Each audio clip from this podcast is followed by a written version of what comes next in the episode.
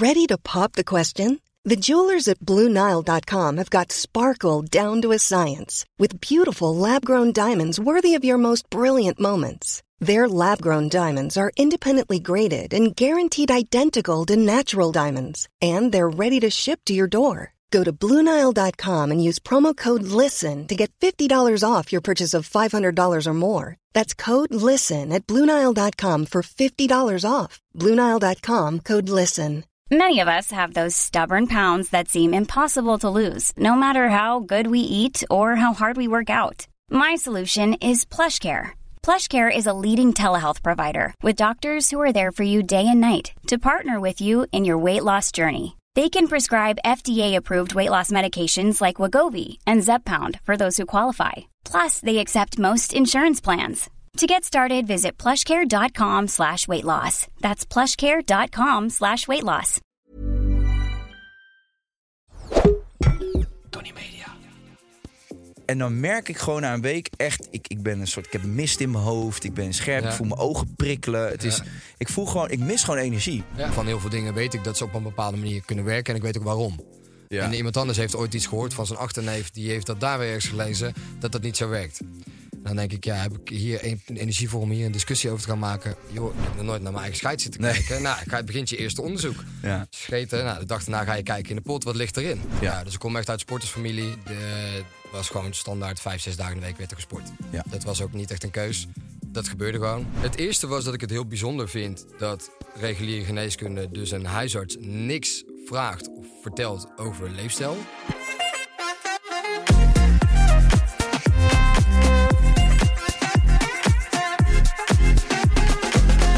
Dames en heren, welkom bij Even Relativeren, de podcast. Eh, hier tegenover mij zit eh Joep Rovers. Ik ben heel erg blij dat je er bent. Eh, hoe moet ik jou nou beschrijven? Welke titel moet ik jou nou geven? Daar zat ik een beetje over te twijfelen in de auto. Ja, daar zit ik zelf ook over te twijfelen, dus dat is mooi. Ik Ja. denk eh, leefstijl-expert Ja. of leefstijl-freak, nerd, iets in die richting. ja, je noemt jezelf een health freak, hè? Ja. Ja.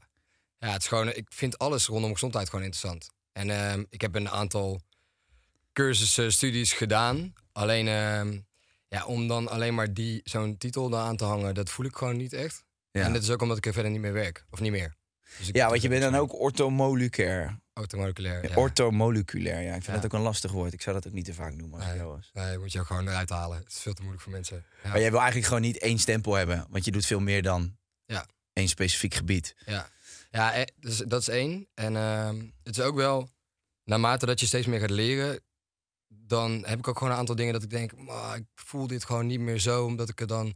Je hebt iets geleerd en je leert daarna weer meerdere dingen door te testen. En dat matcht dan niet meer helemaal. Dus als ik dan mijn naam aan die kant ga hangen, dan ja, ben jij dat. En als je dan in één keer iets anders denkt, dan krijg je daar ook heel veel commentaar over. En daar heb ik ook gewoon niet zo zin in. En het verandert ook zo snel. Hè? Er komt zoveel nieuwe informatie eh, naar boven. En ook, ook je eigen eh gedachten over, eh, over hoe de wereld in elkaar zit. En, en dat blijft natuurlijk ook veranderen. Dus iets wat twee jaar geleden nog heel normaal leek, dat kan nu compleet raar zijn. Ja, dat is een mooie referentie naar twee jaar geleden. Maar ja, precies dat. Ja, Dus er verandert, verandert ineens heel veel. En dan ja, is het gewoon. Ik vind het gewoon chill om mezelf niet vast te plakken aan een titel of aan een hoek of aan een vakgebied. Dat ik gewoon lekker mijn eigen ding kan doen. Ja snap ik. Ja. Verstandig. Toch even een eh, klein stapje terug. Ehm, Ik weet nog niet heel veel over je. Ik volg je wel en ik vind de onderwerpen die je bespreekt mega interessant. Ja. Wat ik wel weet, en corrigeer me vooral als het, eh, als het niet goed is. Volgens mij is deze reis voor jou met betrekking tot gezondheid eigenlijk begonnen bij het feit dat je zelf eczeem had. Klopt dat? Yes, perfect. Kun je dat nog een beetje eh, uitleggen hoe, die, ja, hoe dat is ontstaan voor jou? Ehm, nou, toen ik 16 was, denk ik, plus minus 16, ik schat het ergens in die richting. Toen ik 16 was, toen begon ik kleine rode vlekjes te krijgen onder mijn ogen. Ja. En dat bouwde best wel een rap tempo uit naar grote vlekken in mijn wenkbrauwen. En het werd ook schilferig. Ja, ik had natuurlijk geen idee wat het was. Dus wat doe je? Je gaat naar de huisarts, je krijgt een zalfje. Nou, je smeert het zalfje. Ja, werkt eigenlijk niet echt. Soms heb je het idee dat het wat minder wordt. Nou, dat bouwde zich eigenlijk uit totdat ik eh, nou, zeg, eh, 25, 26 was. En toen was ik het zo beu dat ik elke keer een nieuw zalfje kreeg. En het werkte eigenlijk gewoon niet. Ja, Dus ik dacht, ja, hoe kan het nou dat het niet werkt? Want er zijn ook mensen die geen eczeem hebben. Jij bijvoorbeeld geen eczeem. Nee. Dus hoe kan dat nou? Dus toen ben ik gewoon gaan zoeken naar, ehm, eh, kleine side story aan. Ik werkte toen bij Heineken, corporate life, echt net. En ik had toen al meteen het idee, nou, corporate life gaat hem voor mij echt niet worden. Dus ik had toen mijn baan opgezegd, dus ik had in één keer heel veel vrijheid. En een beetje met het idee met mijn compagnon om werknemers aan sport te helpen. Dus iets met gezondheid. Ja. Eh, dus dat liep parallel aan elkaar. Dan heb je in één keer heel veel tijd en je wil gaan ondernemen. En dat was altijd al een passie, sport. Uh, sport altijd. Ja. Ja. dus ik kom echt uit sportersfamilie. De was gewoon standaard vijf, zes dagen in de week werd er gesport. Ja. Dat was ook niet echt een keus. Dat gebeurde gewoon. Eh, dus dat maakt het heel erg makkelijk om daarna iets met sport te gaan doen. Want ik hou van sport, ik vind sporten heerlijk. En ik vind mensen helpen gewoon leuk. En ja, dan ga je gewoon zoeken. Je hebt in één keer veel tijd. Je gaat zoeken naar een studie van waar kan ik iets meer leren over het menselijk lichaam. En toen kwam ik bij orthomoleculair terecht. En toen dacht ik, jezus, dit is ineens interessant. Het zijn allemaal nieuwe dingen. Eh, en vooral wat ze doen is gewoon kijken naar ja, jouw menselijk lichaam. En eigenlijk voor alle soorten klachtenbeelden, een beetje de, vooral de klachtenbeelden die de laatste jaren echt omhoog zijn geschoten, waaronder dus eczeem ook, eh, gaan ze kijken of dat ze daar een oplossing mee hebben, zonder dat je medicijn of zalfje hoeft te gebruiken. Ja. That's it. Dus dat was een beetje de titel hoe dat gepromoot werd. Toen dacht ik, ja, fuck it, waarom niet? Ik kan het En dat zit dan vaak een beetje in de oplossing. Dat wordt heel vaak gekeken naar je voeding, hè? Ja, het, het stuk waarom dat ik het nu niet meer zo tof vind, is dat er heel veel suppletie gebruikt wordt. Dus ik ben wel pro-suppletie, alleen niet in de mate waarin dat het soms Wat houdt dat in? Ja, dus dat er, je hebt een klachtenbeeld en dan heb je eigenlijk een riedel aan supplementen die je in zou kunnen zetten om het klachtenbeeld te verhelpen. Maar stel dat iemand een klachtenbeeld heeft, eh, in mijn geval eczeem, dan geloof ik niet dat je kortstondig met alleen maar een bak supplementen dat je het gaat behelpen. Ik heb zelf gezien hoe belangrijk heel veel andere dingen nog zijn om die oplossing uiteindelijk te vinden. Ja. Dus met alleen supplementen kom je er denk ik niet. Eh, maar de basis ligt wel gewoon bij leefstijl. Ja. En dat is tof. En, en waar kwam je achter bij jezelf? Want je gaat een soort, eh, ja, je gaat zelf op onderzoek uit. Je Ja. hebt eczeem, hoe komt dat? Alle zalfjes helpen niet. Ja. Waar ben je achter gekomen? Ja, heel veel. Ja. ja, ja dat het, eh, het eerste was dat ik het heel bijzonder vind dat reguliere geneeskunde, dus een huisarts, niks vraagt of vertelt over leefstijl. Dat vond ik super interessant. Eh, niet om te bashen, maar dat vind ik wel interessant waarom dat daar niks over gedeeld werd. Nou, daar heb ik daarna zelf een mening aan gegeven waarom dat ik dat denk dat dat zo is.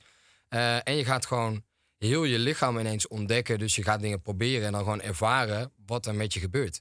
Dus wat voor mij heel erg een eye-opener was, is bijvoorbeeld eh, een van de eerste lessen bij Automoleculair kregen we de Bristol Stool Chart. En dat is eigenlijk niks anders dan een ja, soort van schemaatje type 1 tot en met type 7 poep dat je hebt. Ja. En elk type betekent eigenlijk iets.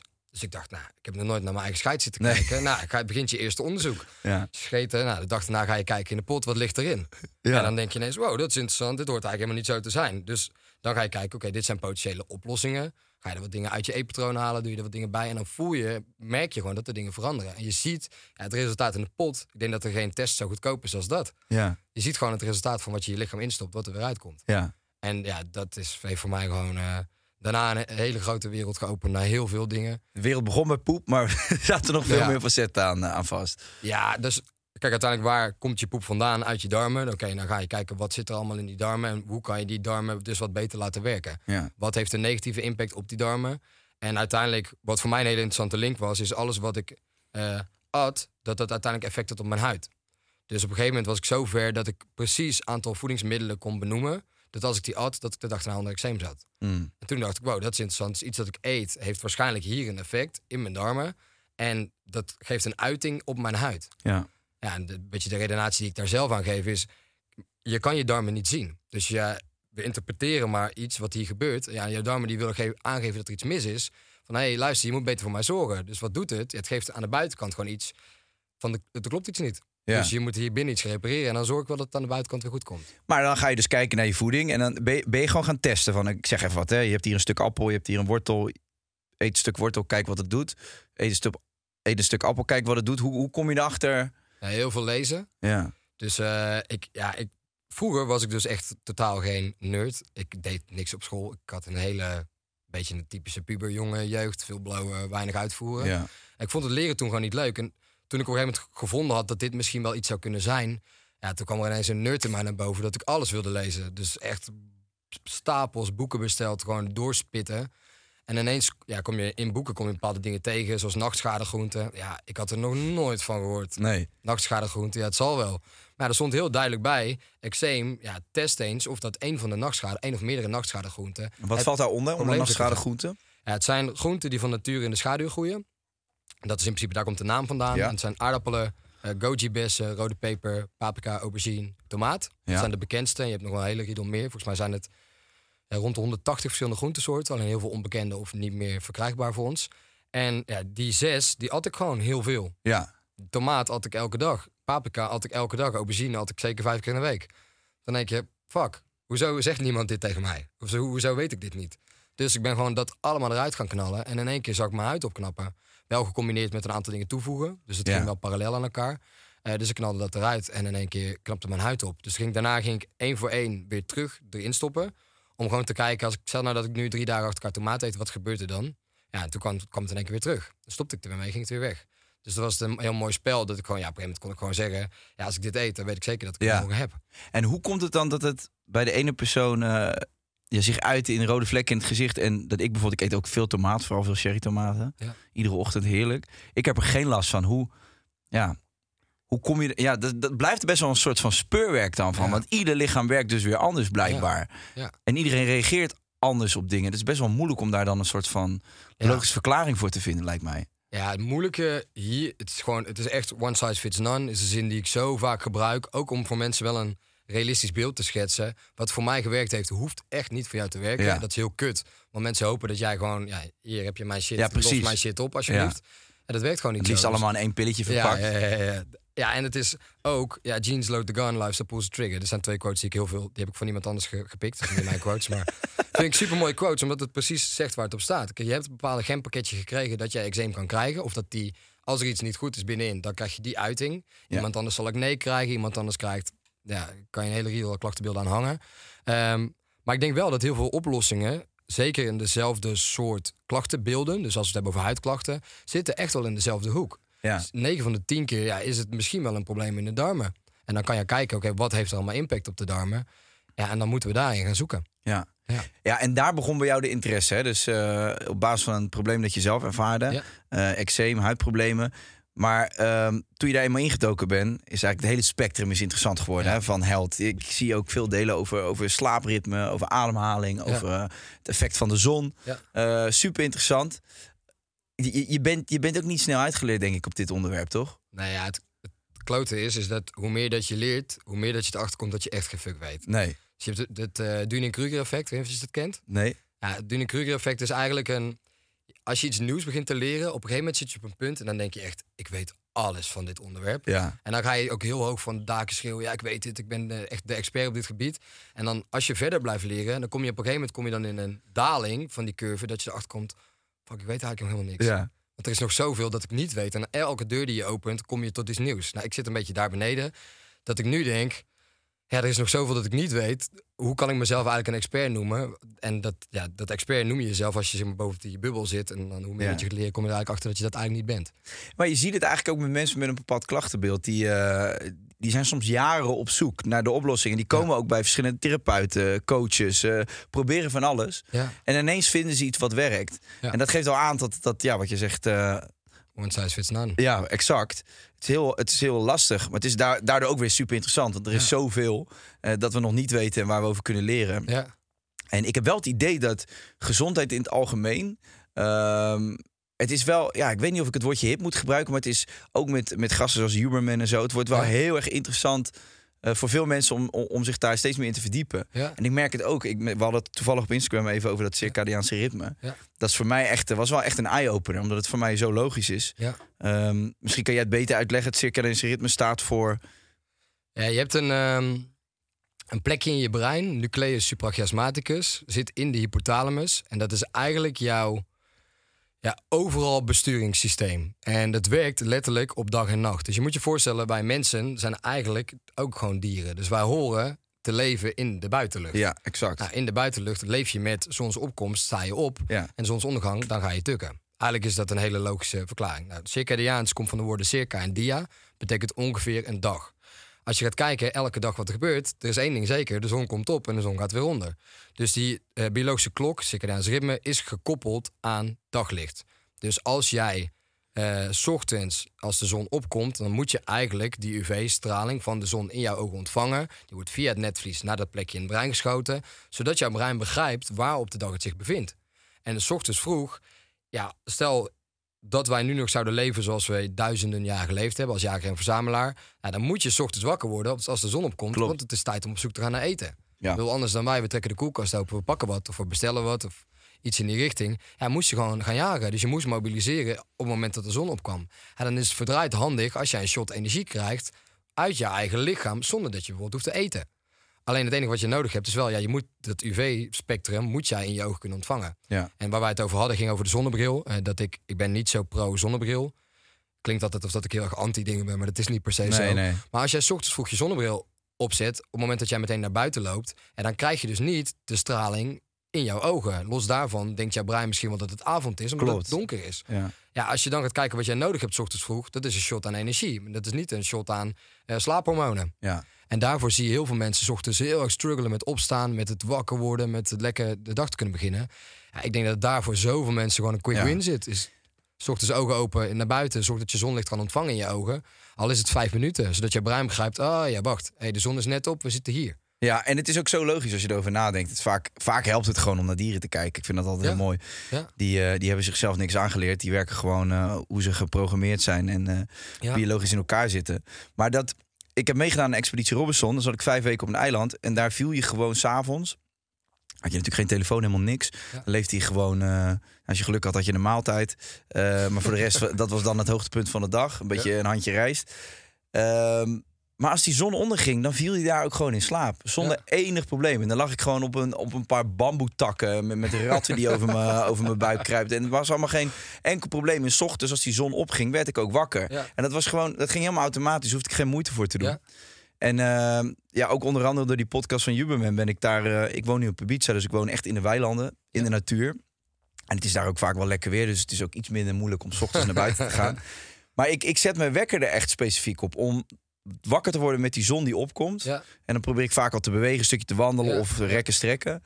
En ik moet je zeggen, het is echt, het heeft echt veel veranderd voor mij. Ik heb zoveel meer energie. Ik merk de hele dag door dat ik eigenlijk veel helderder ben in mijn Ja. hoofd.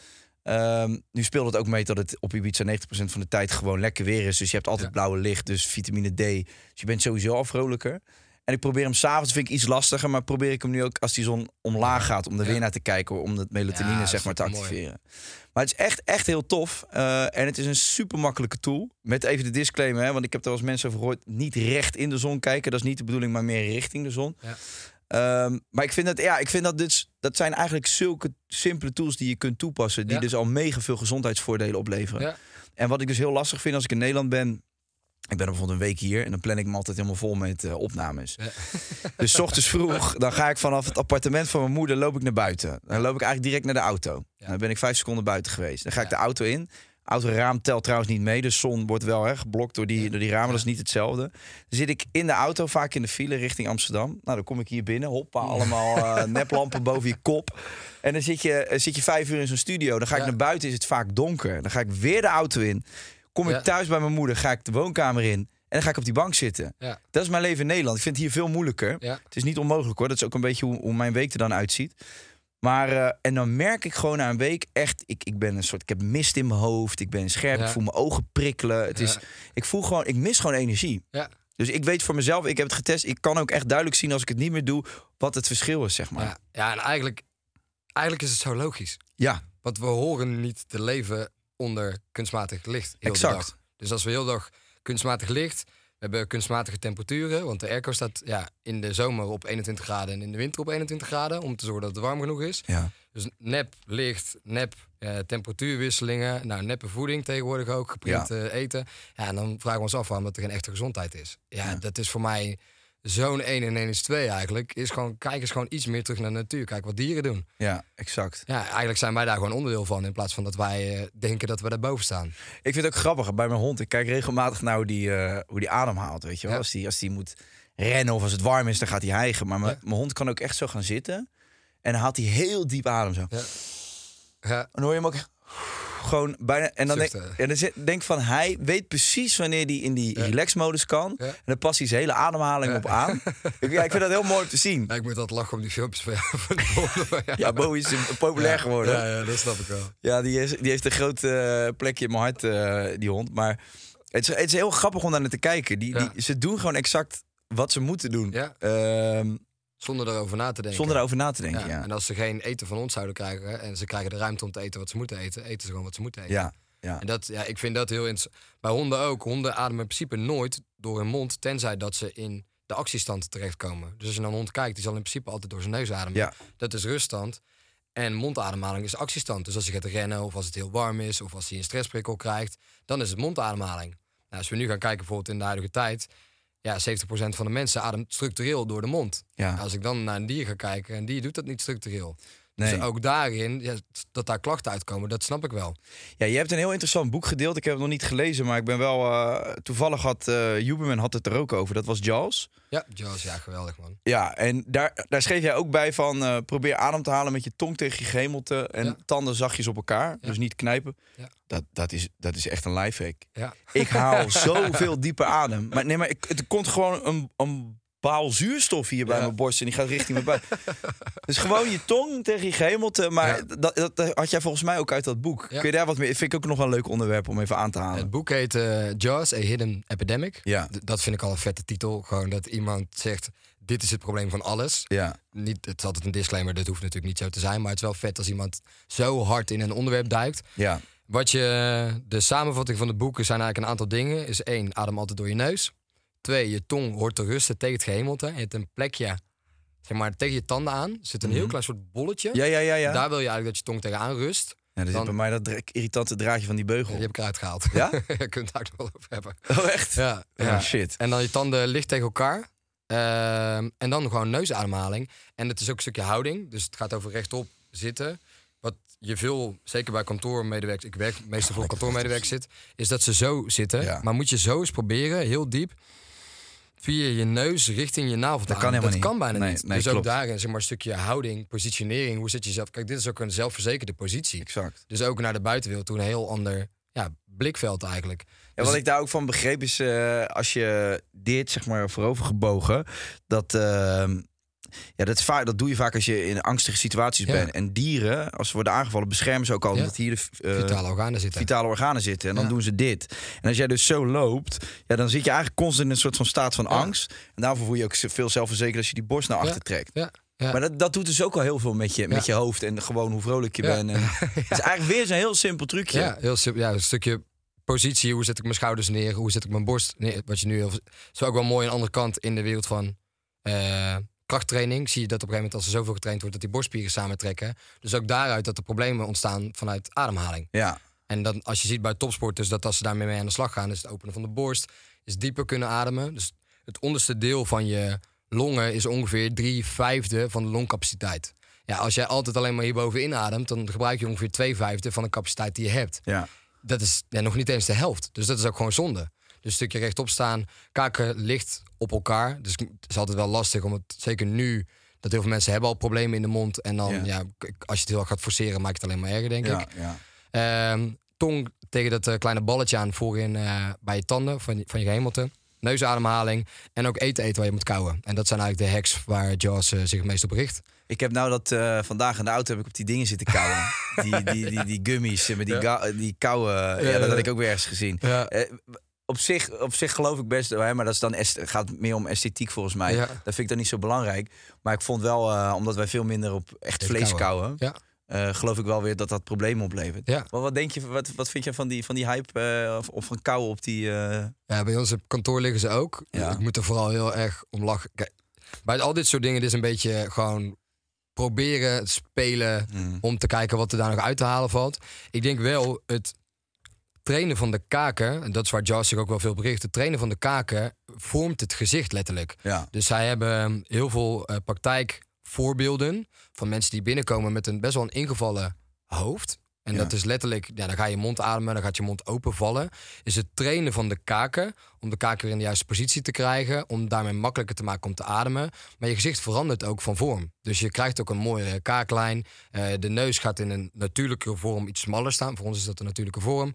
Eh, het gezicht zal iets smaller worden in plaats van dat de kaak naar voren valt en daarmee breder wordt. Het zijn allemaal dingen die kan je wel hacken met kauwen. Ja, ja, precies. Ja, en als een kauwgom daarbij helpt, of als een speeltje daarbij helpt, of als ja, eh, op bepaalde manier eten daarbij helpt. Mensen het speelt van een kind koude tijd. Pas je op dat je het niet inslikt. En maar ik begreep dus ook van als je, dat, als je het puur hebt over dat esthetische. Ja. waarom vinden mensen mensen met een mooie kaaklijn aantrekkelijker? Dat begreep ook dat daar een stuk... Als je iemand met een goede kaaklijn ziet... dan heb je Ja. het idee dat iemand sterk is en voor zichzelf Ja. zorgt en goed eet. Ja. En dat zorgt er ook weer voor dat je denkt... hé, hey, aantrekkelijk persoon. Ja, ik, denk het stukje parenselectie. Ja. Dus eh, wat heeft de grootste kans op overleving? Of wie heeft de grootste kans op overleving? Uiteindelijk is het daar de natuur, selecteert daar partners op. Ja. Dus als jij iemand ziet die een kleine kans heeft op overleving... Ja, dan is het natuurlijk niet handig om daar je kinderen mee te gaan baren. Nee, nee. Want dan ben je de bescherming al kwijt. Eh, Ik wil eigenlijk nog even terug naar die ademhaling. Want ik denk dat Ja. dat iets is wat gewoon 9% van de mensen verkeerd doet. Maar wat misschien ook wel makkelijk op te lossen is. Ik wil even naar jouw eh, ervaring daarmee. Jij bent op een gegeven moment natuurlijk dat hele spectrum van het held eh, ingedoken. Ja. Hoe is jouw reis geweest met betrekking tot die ademhaling? Ehm, ik heb ehm, eigenlijk geluk. Mijn compagnon die is hier een stuk tijd voor mij al ingedoken. Ja. Die vond dit mega interessant en die heeft mij er een beetje meegesleurd. Begon een keer met een ademsessie. Dus ehm, wij organiseren een aantal retretes. En op de retraite had iemand het idee om een ademsessie te doen. Eh, dus ik had zelf meegedaan omdat ik het nog nooit gedaan had. En daar werd echt mijn ogen geopend. Dat ik dacht, wow, dat je dit zelf kan doen. Echt high on your own supply Ja, ja. gewoon met ademen. Dus dacht ik, er moet zoveel achter zitten. En mijn compagnon is daar heel diep ingedoken. En ik kreeg eigenlijk heel veel dingetjes van hem toegegooid. Dus dit boek moet je lezen. En deze wel behoorlijk gefilterd. Want anders blijf ik eh, bezig, zeg maar. En eigenlijk daarna gewoon zelf mee gaan oefenen. Vooral in relatie met sport. Daarmee begonnen. Dus je hebt gewoon verschillende apps. Ik gebruik daar een app, die heet de XPT voor. En die heeft gewoon kant-en-klare korte ademsessietjes. Dus dan ga je gewoon kijken, dit is een pre-workout breathwork routine. En dan koppel ik het aan het fysiek, wat er dan zou gebeuren. Dus een uitwisseling tussen koolstofdioxide en zuurstof. Oké, wat zou er dan gebeuren? Wat heb ik nodig voor een workout? En dan zo'n ademsessie in te zetten. Dus een heel, ja, het is eigenlijk meer een routine. In te zetten en dan gewoon te kijken, wat gebeurt er tijdens mijn workout? Dus hoe ziet mijn hartslag eruit? Hoe herstel ik? Ja. Hoe voel ik me tijdens de workout? Hoe slaap ik s'avonds? En dan, ja, doordat we alles meten, dus ik maak zelf meeste meetbaar met de oude ring, eh, zie je ook dat bepaalde dingen effect hebben. En dan kan je er steeds dieper en dieper en dieper op induiken. ja. En een stukje ademhaling rondom slapen vond ik ook heel erg interessant. Is je hebt een, een van de meest toegankelijke ademmethodes is eh box breathing. Dus als je een vierkantje zou tekenen, heb je vier gelijke zijdes. Dus aantal tellen in, aantal tellen vast, aantal tellen uit, aantal tellen vast. Ja. Eh, is dat dat een hele grote impact zou hebben op je hartritmevariabiliteit. Nou, hartritmevariabiliteit, dat is echt een heel erg moeilijk woord ook. eh, is eigenlijk de tijd tussen de verschillende hartslagen die daartussen zit. En hoe hoger dat die tijd is, hoe beter dat eigenlijk aangeeft dat jouw lijf kan wisselen tussen actiestand en ruststand. En daarmee een overal beeld geeft van hoe ehm, de impact van stress is op jouw lichaam. Dat is eigenlijk een hele, ik hoop, makkelijke vertaling. Ja, ik ga je Begrijp- nog wel volgen. Begrijpbare vertaling. Ja. Eh, dat die boxbreathing dat die meteen impact zou hebben op dit hartritmevariabiliteit in de nacht. Ja. Nou, als jouw HRV, hartritmevariabiliteit in de nacht heel hoog is, dan is jouw herstel automatisch beter, want dan kom je beter in verschillende slaapfases. Ja. Nou, dan ga je dat gewoon proberen, net voor het slapen gaan zitten op een kussen, vijf tellen in, vijf tellen vast, vijf tellen uit, vijf tellen vast. Een aantal keer achter elkaar, ja, slapen, s ochtends kijken wat de score is van Ja. de nacht en dan zie je de score ineens omhoog gaan. Ja, en dat is voor mij dan zo'n trigger. Wow, dit werkt. Oké, dan wil ik er nog meer over weten. Dan wil ik nog meer proberen. En ben je, ben je overdag ook heel specifiek bezig met door je neus ademen? Ja. En, en gebruik je ook van die pleisters s'avonds als je gaat slapen? Ja, Ja. ja. dus dat helpt wel. Ja, dat helpt wel. Nee, maar Ja. dat, is, dat, is, dat, dat doe ik nog niet, maar dat wil ik ook gaan doen. Ja. Eh, want ik kan me wel voorstellen dat dat, eh, ja, dat, dat mega handig is. Ja. En eh, ja, ik doe zelf die eh 4-6 ademhaling. Dus 4 seconden in, 6 seconden uit. Ja. Ik kom dan ook echt, ik voel gewoon letterlijk alles uit mijn lichaam lopen Ja. dan. Ja. En ik heb het ook echt nodig. Ik, als ik het niet doe voordat ik ga slapen, dan merk ik gewoon, dan ben ik gewoon echt nog een soort flippenkast Ja. in mijn kop. Ja. Gaat alle kanten op en dan slaap ik gewoon veel minder eh, diep. Ja. Ja, en dan, als je hem dan gaat combineren met een stukje, klein stukje tape over je mond, Ja. dat je zeker, eigenlijk is het alleen maar om zeker te weten dat je door je neus ademt s'nachts. Ja, dan is het de herstel is tijdens de nacht, ja, dat is bizar. Maar moet je daar nou speciale tape voor kopen of kan je ook gewoon eh rol duct tape halen? Ja, wel, ik weet niet of dat je vrouw er blij van wordt, maar als je... Die ligt toch wel een nachtkastje, maar die is voor andere momenten. Ik heb een hele visuele mind, dus Ja, dat is nee, heel joh. mooi. Maakt niet uit. Ehm, helemaal van apropos. Eh, wat voor wij gebruiken gewoon, eh, of tenminste, we hebben nu verschillende tapes om te proberen. Maar normaal gesproken gebruiken we van de kruidvat, kinesiologie tape. Dat is van die stretch tape, die fysio's gebruiken. oh ja. Eh, knip je een heel klein stukje vanaf. Ik plak alleen het midden van mijn lippen dicht eigenlijk. Dus als je echt door je mond zou moeten ademen, het is stretch tape. Ja, en je hebt gewoon hele delen van je mond nog open. Kan je altijd door je mond ademen. Dus jij doet alleen een stukje in het midden van je Ja, mond. zo. een heel klein stukje. Dus eigenlijk een blokje om alleen maar mijn lippen aan elkaar te plakken. Zeker Ja. mensen, of zeker mannen met baarden of met snoeren, Ja. zeggen ja, het plakt in mijn baard. Dus dat je het echt alleen op je lippen houdt. Het is alleen om te triggeren dat je lippen op elkaar blijven. Ja. En, en jij merkte vanaf het moment dat je dat bent gaan doen, merkte je echt heel erg verschil met hoe je wakker werd. op nacht één. Ja. Ja. En, Ja, en dat is zo bizar. gewoon fitter, meer hersteld of hoe, hoe uitziet dat? Ik denk zeker als je een beetje zo'n eh held nerd bent, dan ga je alles meten. Dus ik meet ook mijn slaap en dan zie ik mijn slaapkwaliteit omhoog gaan. Dus het gaat dan over diepe slaap en remslaap. Je ziet dat omhoog gaan. Ik zie mijn rusthartslag verlagen. Dus dat betekent dat mijn lichaam nog meer in de ruststand komt. Daarmee beter kan herstellen. Als je ziet dat dat werkt, ja, dat is voor mij dan altijd zo'n ding. Dan blijf ik dat gewoon doen. Ja, ja, nee, heel interessant.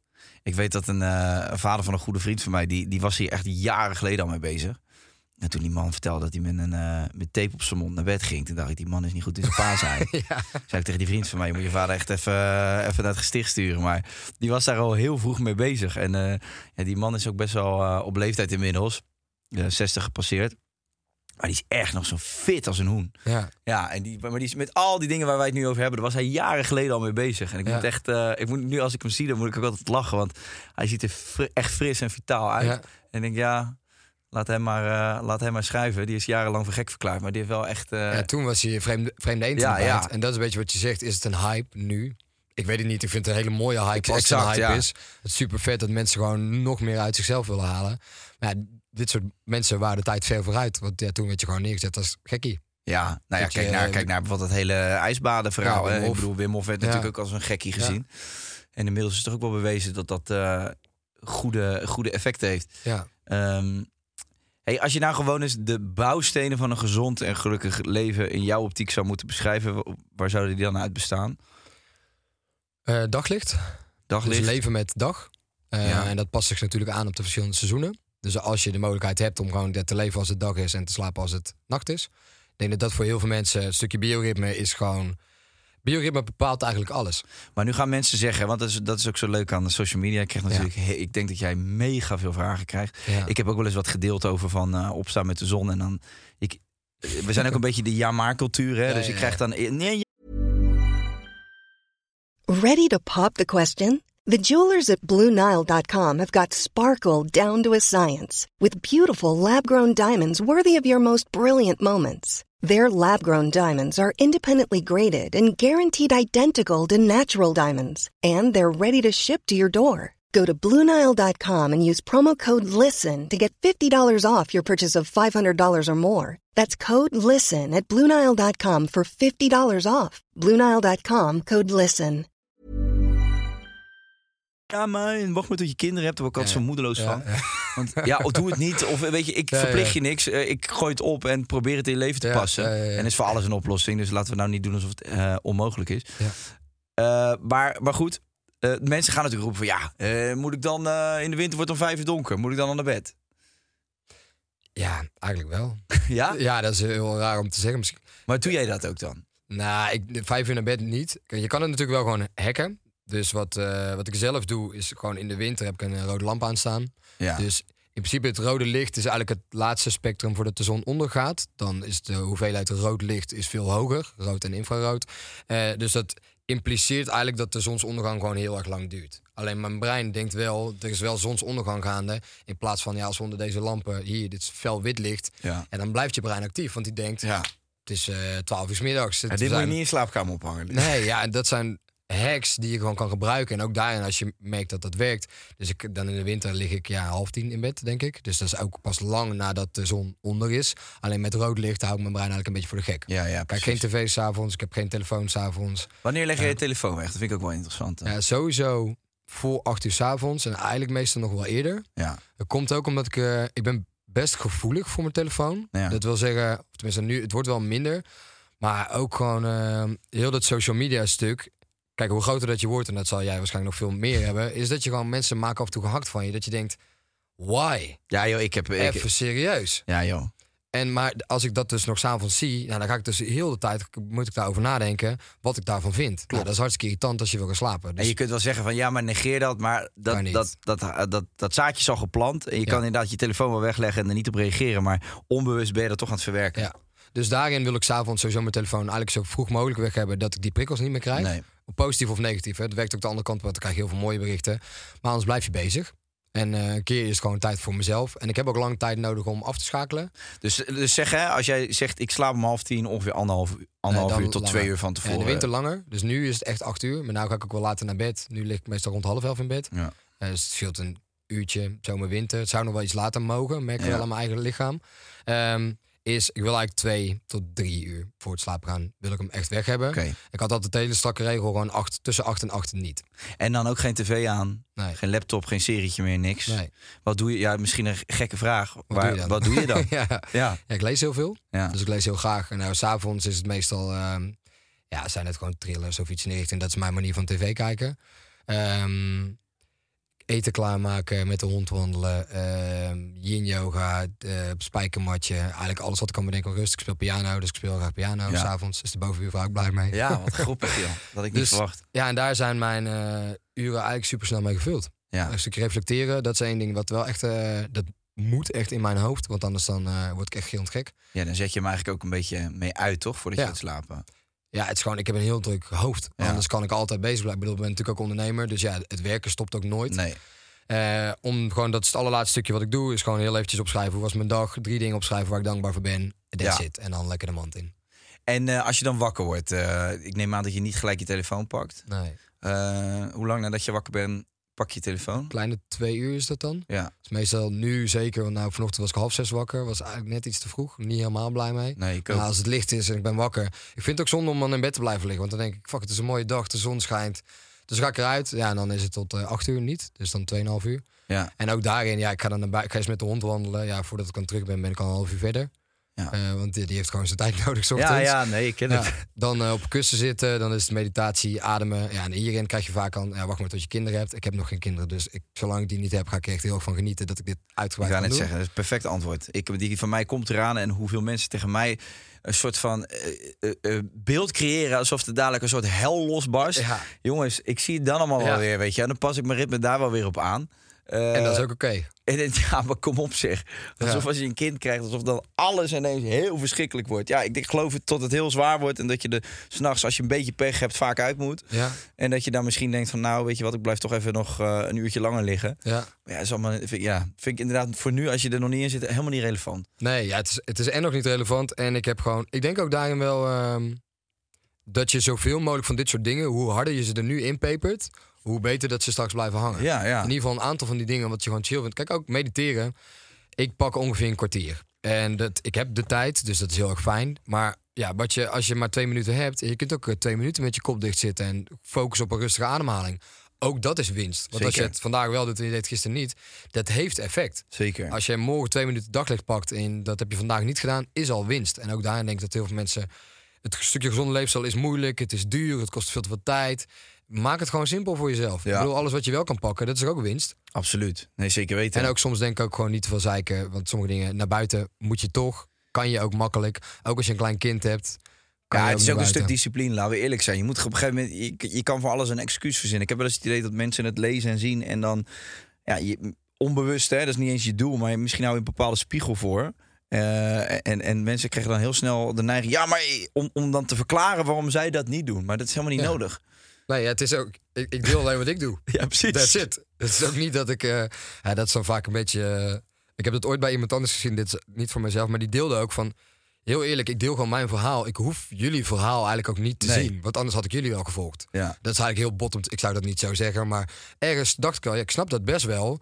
Dat je moe kan worden van iedereen die allemaal die jaarmaars gaat Ja, geven. ja, maar klopt. Dat is ook, dat is ook vermoeiend. Het gaat niet om mijn jaarmaar. Ik Ja. deel gewoon wat ik doe en ik vind het leuk om te delen. Maar dat is met alles. Hè. Dat gaat niet alleen om dat stukje gezondheid, maar ook inderdaad nu eh, als je kinderen krijgt. Ik heb, ik heb ook vriendinnen die, die moeder zijn geworden, die bij wijze van niet groot zijn op social media, maar wat die al aan ongewenst advies binnenkrijgen. Ja. Of ja, maar ik doe het zo. En ja. maar ik zou toch met je kindje oppassen. Zo. Echt letterlijk ongewenst advies de hele dag door. Dat is ook wel een beetje eh, iets van deze tijd. Ja. Maar daardoor is het ook heel belangrijk om dat, dat hele stukje met die DM's, en zeker hè, je begint nu een beetje terrein te winnen en steeds meer mensen gaan het over je hebben. En geloof me, ze komen voor je. Ja. Ja, ik kan het niet mooier maken, maar er zijn heel veel mensen die zijn het niet met je eens of die Ja. hebben een andere agenda of whatever. Ja. Om dat ook gewoon voor een groot gedeelte ook wel echt te gaan negeren en er ook niet meer naar te kijken. Want in het begin ben je heel erg geneigd om dat allemaal en wat en, eh, en dit. Maar het is ook wel heel lekker, want als je het niet leest, is het er in principe ook niet. Nee, ja. Ja, dat is...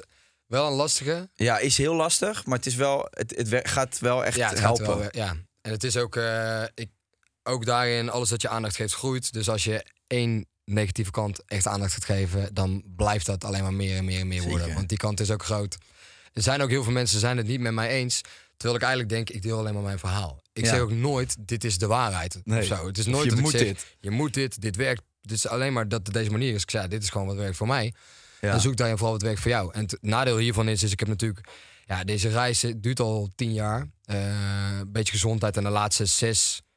Ik ben zes jaar geleden begonnen met ondernemen. Sinds de laatste zes jaar is het gewoon... Full pool, speed cursus is gewoon alles alleen maar kennis slurpen. En dan krijg je ook meer kennis dan dat de meeste mensen hebben. Ja. En dat vind ik moeilijk. Is ik weet van heel veel dingen, weet ik dat ze op een bepaalde manier kunnen werken. En ik weet ook waarom. Ja. En iemand anders heeft ooit iets gehoord van zijn achterneef, die heeft dat daar weer ergens gelezen, dat dat niet zo werkt. En dan denk ik, ja, heb ik hier en- energie voor om hier een discussie over te gaan maken? Joh, is helemaal fijn. Doe lekker wat jouw achterneef gezegd heeft. Dat dat de waarheid is, ja, dat dat mijn, niet mijn waarheid is, is oké. ja. En dat werkt met heel veel dingen zo. Met Ja. ook met eten, met... eh, ik ben ook vegetarisch geweest, ik ben ook veganistisch geweest. Ik heb een stuk carnivore geleefd. Ja, ook daarin, mensen hebben er zo snel een mening over. Klopt. Dit is mijn reis. Ja. Dat is ook mijn lijf. Ja, ja. Who gives a fuck wat ik erin gooi? Ja. Toch? Ik bedoel, als iemand anders eh, elk weekend zijn kop eraf schroeft en eh, zes punten zijn neus in jaagt, ja. hoor je niemand. Nee. Alleen Nee. als je dan gezond leeft en je wil eh, op mijn manier gezond leven, dus tussen Het aanhalingstekens. zou leuk zijn als je daar dat je gewoon een soort parodie maakt op dat health freak. Dat je gewoon iemand bent die heel zijn heel zijn neus vol jankt ieder weekend inderdaad. En dat je daar dan gaat, daar dus een parodie op maakt dat dat heel Ja. gezond is. Ja. Ja. maar dat werkt voor mij zo goed. En eh, dat je helemaal Ja. panisch op de bank zo- zit. Zo. ja, maar het is wel zo, toch? Het is wel realiteit dat dat, nou, niet per se gezegd normaal is, maar dat het op een gegeven moment, ja, daar wordt niet over gesproken. Eigenlijk. Nee, klopt. Nee, nee, nee, dat is, dat is helemaal waar. Maar, maar da- daarom, dat is er. En dat, dat- daar komen we denk ik voorlopig niet helemaal vanaf. En social media heeft dat ook veroorzaakt. Ehm, het beste is gewoon inderdaad je verhaal blijven vertellen. En eh, proberen die negativiteit een beetje los te laten. Want dat blijft toch. Ja. Maar we waren eigenlijk die bouwstenen van eh, gezond leven aan het eh, benoemen. Je daglicht heb je behandeld. Daglicht sowieso nummer één. Ja. Neusademhaling denk ik nummer twee. Ja. En dat heeft dan vooral te maken, is en een stukje positionering van het gezicht. Dus dat het makkelijker maakt om te ademen en ook makkelijker maakt om te kauwen en te slikken en te eten. En neusademhaling herkent ons lichaam automatisch als ruststand. Dus wat ik heel interessant vind, is je hebt een systeem in het lichaam zitten eh, die eigenlijk de belangrijkste schakel is voor ons om te overleven. Dus die is de belangrijkste schakel met de buitenwereld om te anticiperen als er iets gebeurt dat jij in een bepaalde staat van zijn gezet moet worden. Dit is het autonoom zenuwstelsel. Die heeft eigenlijk zeg maar, het heeft meerdere standen, maar voor nu heeft het twee standen, een actiestand en een ruststand. Op het moment dat er iets gebeurt dat jouw leven in gevaar zou kunnen brengen, dus elke potentiële dreiging van balans voor jouw lichaam, daar reageert jouw lichaam op door jou in die actiestand te brengen. En dat heeft een aantal functies, zet hij dan op scherp. Dus je focus wordt scherper, je hartslag gaat omhoog, gaat sneller ademen. In die staat van zijn ga je door de mond ademen, hoog in de borst, om zo snel mogelijk zuurstof naar binnen te happen, om kortstondig veel energie vrij te kunnen maken. Ja. Nou, Als jij kortstondig bezig bent met overleving en je bent kortstondig bezig met veel energie vrij te maken, simpel gezegd een acute stressor, dan geeft jouw lichaam geen prioriteit aan bijvoorbeeld de spijsvertering. Want die denkt, ja, dat kost heel veel energie. Dus als ik nu mijn energie moet verdelen, ja, dan kies ik liever voor het stukje overleving. En dan doen we het spijsverteren doen we later wel. ja, exact. Nou, als je dus heel de dag door je mond ademt, dat is heel de dag een signaal dat jij in die kortstondige actiestand staat. Ja. Terwijl als je neusademhaling is precies de andere kant. Is een rustiger hartslag, is een rustigere focus, rustiger eh, eh, zintuigen. Is ook de kans dat jouw lichaam de tijd krijgt om zich voor te bereiden om eten te verteren. Letterlijk rest and digest. Als we daarin gaan kijken, ademhaling. Ja, als je heel de dag door je mond ademt en heel de dag jouw lichaam het idee geeft van... hé, hey, er zit een acute stressor, er kan gevaar dreigen. Mhm. Of je geeft je lichaam heel de dag het signaal van het is oké. Dus rustig, doe maar lekker rustig je ding. Ja, dan denk ik dat daar voor veel mensen veel winst te behalen is. Neusademhaling, om gewoon te zorgen dat systemen makkelijker kunnen werken. Ja. Dus dat is twee. Dus we hebben daglicht en neusademhaling. Dat zijn twee, denk ik, overal de belangrijkste. En dan samen met slaap. Ik denk dat slaap een heel erg ondergeschoven kindje is in een Ja. gezonde leefstijl. Is gewoon je moet een, of je moet, je moet helemaal niks. Voor mij in ieder geval niet, maar Mijn mening. dat is mijn mening. Over het algemeen is voor de meeste mensen zit je ergens tussen de 7 en 9 uur slaap. Heeft te maken met verschillende slaapfases. Zorg gewoon dat je die tijd neemt, ja. inplant. Om gewoon voldoende tijd te slapen, te zorgen dat je goed herstelt. Ja, en check vooral ook eh, hoe val ik in slaap en hoeveel moeite heb je met in Juist. slaap vallen. En denk dan vooral aan dingen als je telefoon Ja. en ook dus weer het stukje licht. Ja, ja. Eh, het is wel grappig. ehm, ook wel een tip zeg maar voor mensen als je s'avonds veel naar het toilet moet. Wat Ja. sowieso irritant is, want dat onder- onderbreekt je slaap natuurlijk. Ja. Om niet die, die, die lampen weer aan te knallen. Want als het van bovenaf komt, dan Ja. gaat je lichaam gelijk weer... of je hoofd en je hersenen gaan gelijk... een split second. Ja. Oh, het het is is eh, licht. daglicht. Oh, tijd om op te staan. kan nog beter gewoon kaars of zo op de grond zetten. Want als het van de grond komt, dan schijnt Ja, het minder in effect. donker. Je hebt ook wel van die memes eh, dat mensen zeg maar zo naar de badkamer Ja. Straks in pikken donker. Eigenlijk is dat het beste. Gewoon pikken donker. Ja. Oké, geen licht aan. Nee. Duidelijk. Slaap, ja. Slaap, daglicht, eh neusademhaling. Eh, beweging en training. Ik denk dat er niks zoveel onderzocht is als eh, resistance training. Dus gewoon een bepaalde manier van krachttraining. En vaak, bij mij relateren mensen dat aan dat je met zware gewichten moet gooien. Dat is wat ik doe. Dat is niet per se dat dat de enige way to Wat doe je dan? Crossfit. Crossfit. Ja. Ja. Ik vind het heerlijk om gewoon... Ik denk zelfs dat crossfit niet per se de gezondste manier is. Dat, denk ik niet. Nee. Ehm, maar wel gewoon een bepaalde manier van resistance training. Omdat spiermassa is een van de belangrijkste pijlers voor een langdurig gezond leven. Ja. Dus een vorm van krachttraining, op welke vorm dan ook, om te zorgen dat je spiermassa behouden blijft, hij is gewoon een superbelangrijke pijler voor een langdurig leven. Daarin een stukje beweging. Kijk, als je langdurig stil zit, ja, dan gaat alles letterlijk dichtslibben. Dus ook vaak bewegen, afwisselen tussen zitten en staan. ja. En, is die, is die 10.000 stappen per dag, is dat nog een goede graadmeter? Dat komt natuurlijk uit Japan. Dat onderzoek is ooit gedaan dat als je 10.000 stappen per dag doet, dat je dan eh, aanzienlijk ouder wordt. Ja, ik, ik denk dat het een mooie richtlijn is. Ik Veel denk mensen vinden dat iets best minder- veel. Ik denk dat iets minder ook prima is, maar Ja. ja, ook daarin. Het Het is kan ook geen kwaad om het van te halen, denk ik. Nee, het is sowieso dat het geen kwaad kan om te halen. Want je bent en waarschijnlijk buiten. Tenzij dat je binnen op een eh, loopband gaat staan. Maar ja, niemand doet dat, hoop ik. Eh, als je 10.000 stappen zet buiten, dat is gewoon een uur buiten. Dus Ja. dan heb je ook een uur daglicht wat je mee kan pakken. Ja, exact. Dus daarin zeker doen. Eh, eten, pijler. Ja, vind ik een hele belangrijke pijler. Alleen is echt ja, one size fits none. Ja. Denk ik echt. Ik heb daar een manier van eten wat nu voor mij heel goed werkt. Met het leven wat ik nu leid en de doelstellingen die ik nu heb. Ik sluit niet uit dat het ook nog ooit een keer gaat veranderen weer. Ja. Ja, en dat is inderdaad eh, iets dat je dan. Maar als mensen dan zeggen: Ja, ik heb, ik heb van van alles last en ik denk dat het door mijn voeding komt. Hoe, heb jij tips, zeg maar, over hoe ze dat zelf kunnen onderzoeken? is al die. Alles wat de, waar de mens meer dan twee handelingen aan gehad heeft, dat flikker dat uit je mandje. Dus neem dat niet mee naar huis. Nou, hoe bedoel je dat? eh, alles wat enigszins bewerkt is eigenlijk. En je hebt zeg maar één stap bewerking. Bijvoorbeeld eh, boter is in principe ook bewerkt. Ja. extra virgin olijfolie is ook bewerkt. Heeft één bewerkingsproces gehad. Stel dat producten meerdere bewerkingsprocessen hebben gehad... dan kan je je vaak afvragen waarom is dat nodig? Of wat wordt er allemaal toegevoegd aan dat product? Hmm, Iets waar ik heel erg fan van ben voor mensen is gewoon... pak producten in je hand, kijk gewoon eens op wat er op de achterkant staat van een product. Lees ingrediënten. Ja. Ik bedoel, is, je nooit geleerd, dus daarin, ik deel graag hoe dat je dat moet doen. Is je gaat op de ingrediëntenlijst kijken en alles wat er als, eh, of zeg maar alles wat er op de ingrediëntenlijst staat, is toegevoegd aan het product en alles staat op volgorde. Dus wat er als allereerste staat, zit het meest in het product. Nou, als je bijvoorbeeld bij een frikadel gaat kijken, dan zie je als eerste ingrediënt water. Vroeger zat er paardenvlees in, was het tweede ingrediënt was paardenvlees. Kan je jezelf afvragen, heb ik dat nodig? Is dat iets wat bruikzaam is voor mij? Nou goed, frikadel snapt iedereen wel, dat is ongezond, dat moeten we niet meenemen. Maar ga je kijken bijvoorbeeld bij muesli, gewoon iets wat veel mensen als ontbijt eten, een gezonde ontbijtskeuze. Ja, ga je daar maar naar als eerste ingrediënt kijken. Oké, dan zie je vaak iets van verkoren havervlok misschien staan. Kunnen we het ook nog over hebben of dat, dat gezond is, ja of nee. Maar het tweede ingrediënt is 20% honing. Ja, Heb ik dat nodig in de start van mijn dag, zo'n bonk suiker? ja. Derde ingrediënt is, eh eh, noem het karamelsiroop. Hey, nog een keertje suiker. Mhm. Vierde ingrediënt is dextrose, nog een keertje suiker. Dus als je daar gaat kijken hoe dat je eigenlijk schandalig gefopt wordt, is dat er ook nog heel veel verschillende suikervarianten Terwijl je s ochtends zit te eten en je denkt zo, dat is even een gezond, Dat is een gezond eh, ontbijtje. Ja, Die heb ik alvast. Een uur later denk je, kut, ik heb alweer honger. Hoe kan ja, dat nou? ja, suikercrash. Ja, suikercrash. Dus ingrediënten te gaan lezen, wat zit er in een product? Heb ik dat nodig? Iets wat ik vaak meegeef is, ken jij een, een van de ingrediënten niet, dan niet meenemen. Want als jij niet weet wat het is, ja, weet je dan wat het voor je lijf doet? Ik kan van heel veel dingen inmiddels wel zeggen wat ze voor jou betekenen. En ik kan ook van heel veel dingen zeggen dat het niet altijd best is. Eh, zeker als we het hebben over de rij 1-nummers, want niet alle 1-nummers zijn even slecht. Nee, dat klopt. Dat maakt het heel lastig. Maar als jij niet weet wat het is of wat het doet, ja, dan is het misschien een betere keuze om het niet mee te nemen. Maar als je het dan hebt over bijvoorbeeld eh, iets heel simpels als fruit of, of groente. Ja. ehm, ga je dat, haal je dat ook bij een speciale groenteboer? Of, of, of durf jij dat nog uit de supermarkt te pakken? Want op een gegeven moment heerst er natuurlijk ook een beetje een beeld... dat echt alles wat in die supermarkten ligt gewoon kut is. Ik denk dat ik hier ook wel een beetje aan mee eh, geholpen heb. Nee, ja, Ja. maar gewoon in het algemeen. Ik zie nu ook... eh, ik, ik zie toevallig steeds vaker TikToks voorbij komen van mensen die dus producten... Ja. Ja, en als je dat dan hoort...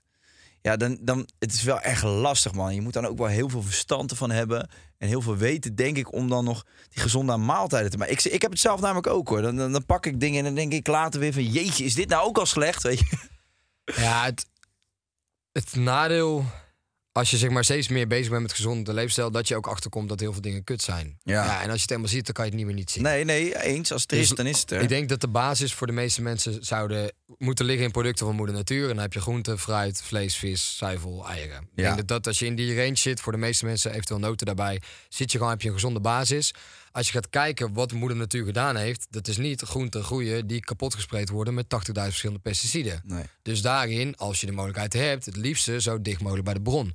En wat er nu, wat ik een mooie. ehm, Of ik leef echt heel erg in een bubbel. Ik denk dat dat ook wel is. Ik leef wel in een bubbel. Maar dat je mensen ziet die dus op zoek gaan naar boeren om daar hun producten te kopen. Ja, Dus ja, dat ik je hoor het gewoon ook kan steeds zien. meer. Waar komt mijn product vandaan en wat wordt daar ook gebruikt? Als ik zie eh, in, in, op Ibiza heb je, eh, heb je de kip van het eiland en de kip van, eh, van de industrie, zeg ik dan maar even. Ja. En die kip van de industrie is roze en eh, zit vol met, eh, met vocht. Ja. En de kip van het eiland is eigenlijk een soort gelig, dat vlees. Ja. Terwijl als je het naast elkaar ziet liggen, dan denk je, gadver, Ja, dat dat kan nooit goed zijn. Ja. Hetzelfde met die tomaten, man. Ja. Ja, ja, die zijn helemaal wel niet rood. Nee, ja, niet zo rood in ieder Ja, geval. nee, maar niet dat. Nee. Het bijna getekend rood. Nou ja, en dat is. Ik denk dat voor de meeste mensen, dus terug daarop komend, is het een basis groente, fruit en dan het liefste zo dicht mogelijk bij zoals moeder natuurlijk bedacht heeft. Ja. Het voordeel wat ik gehad heb, ik ben opgegroeid op een boerderij. En als je, mijn ouders hebben altijd een groentetuin gehad, dus je ziet hoe dat groente eruit horen te zien. Ja. En dat is in één keer heel anders dan hoe dat in de supermarkt ligt. Dus dat daar heeft al voor mij heel snel een linkje gelegen met, oké, dat, misschien dat dat dus niet helemaal klopt met wat er in de supermarkt ligt. Los daarvan denk ik voor de meeste mensen, als jij de ruimte en het budget niet hebt, dan denk ik dat je als je groente en fruit had in de supermarkt en je ze op de juiste manier wast, met eh, baking soda en appelazijn, kan je heel veel van de pesticiden eraf halen. En dan denk ik dat je een hartstikke gezond leven kan leiden. Eh, ik denk alleen als jij iets afhankelijk van een bepaald klachtenbeelden hebt of een bepaalde ambitie die je hebt, ja, dan kan het wel helpen om gewoon nog een stap terug ruimte te maken en naar een boer te gaan en gewoon dan te kijken wat het doet. Maar als je dan specifiek naar een groenteboer gaat, die toch al bijna aan het uitsterven zijn. Ja. Is dat dan al bij voorbaat beter? Of kunnen daar dezelfde groenten liggen als in die supermarkt? Ja, het is vragen. Ja. Ja, het is, wat ik, ehm, ik woon in Den Bosch en je hebt in Den Bosch heb je op vrijdag heb je de biologische markt.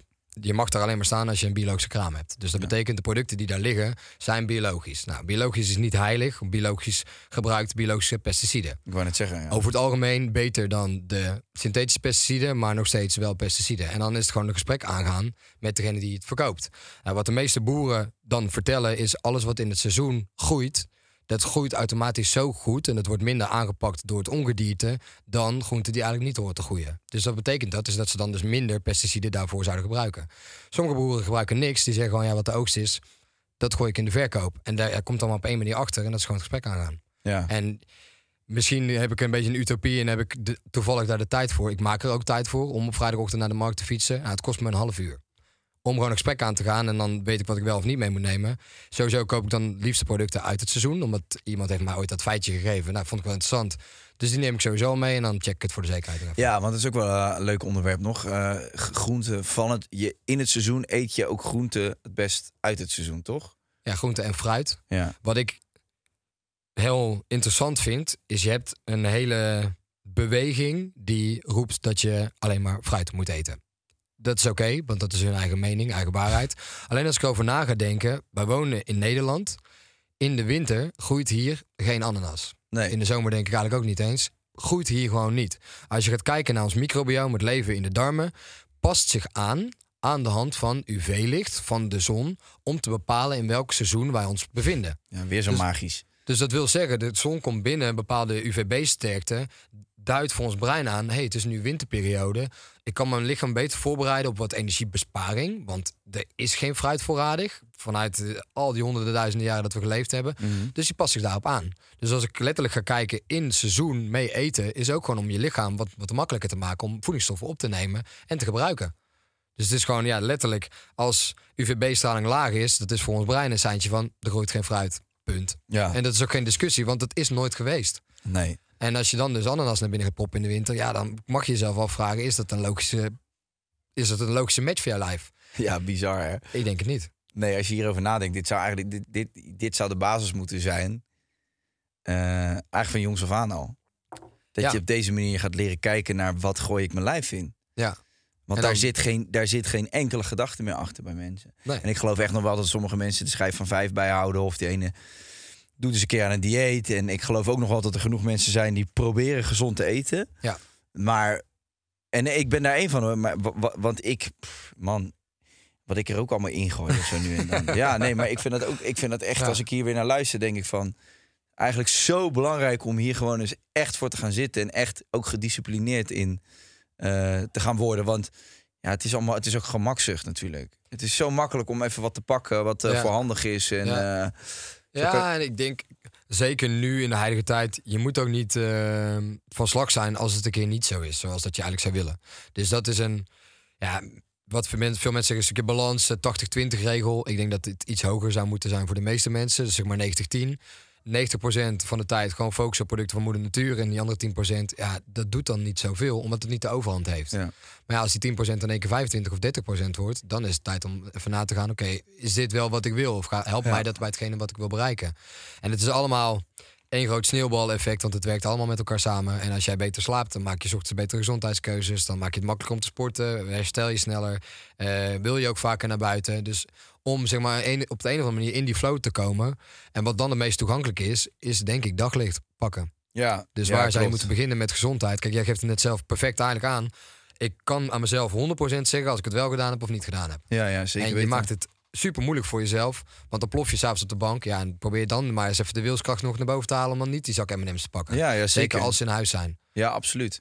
Ja, en dat in combinatie met die, eh, met die neusademhaling... die je natuurlijk ook eh, redelijk Ja. makkelijk zelf kan oppakken. Ja. Denk dat je al eh, twee hele belangrijke pijlers te pakken Ja. hebt. Wat ik wel, dat, dat vind ik wel... eh, eh, ik heb gewoon mijn hele leven lang, denk ik, ook het geluk gehad... want kijk, ik ben er nu wel mee bezig met een stukje gezondheid... maar bij lange na ben ik nog niet daar perfect in. Los van het feit dat je überhaupt perfectie wil nastreven... maar gewoon, ik doe nog genoeg dingen die heel ongezond voor me zijn... en daar ben ik ook Ja. bewust van. Ja.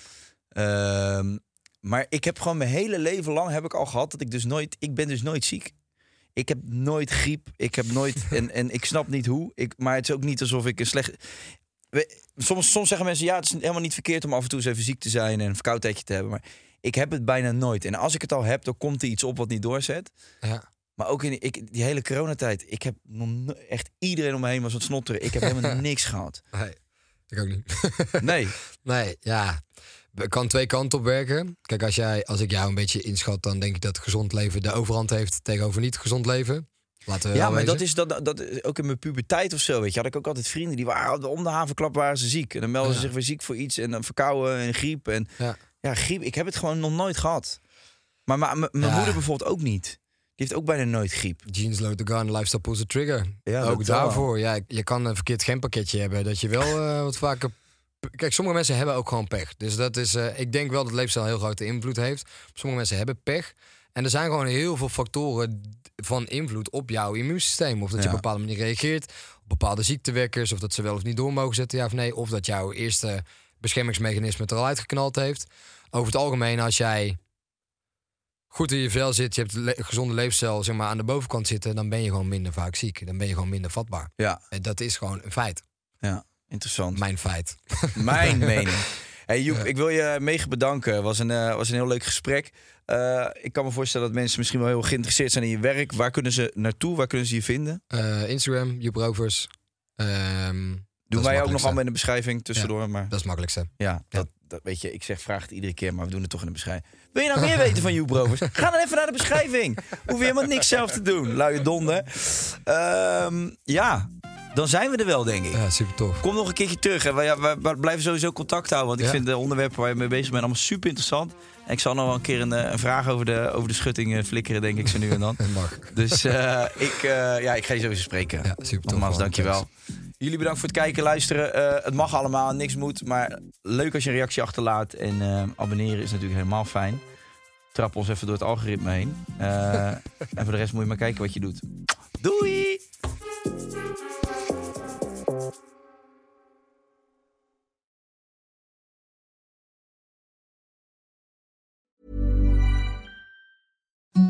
Imagine the softest sheets you've ever felt. Now imagine them getting even softer over time. That's what you'll feel with Bowl and Branch's organic cotton sheets. In a recent customer survey, 96% replied that Bowl and Branch sheets get softer with every wash. Start getting your best night's sleep in these sheets that get softer and softer for years to come. Try their sheets with a 30-night guarantee. Plus, get 15% off your first order at bowlandbranch.com. Code BUTTERY. Exclusions apply. See site for details.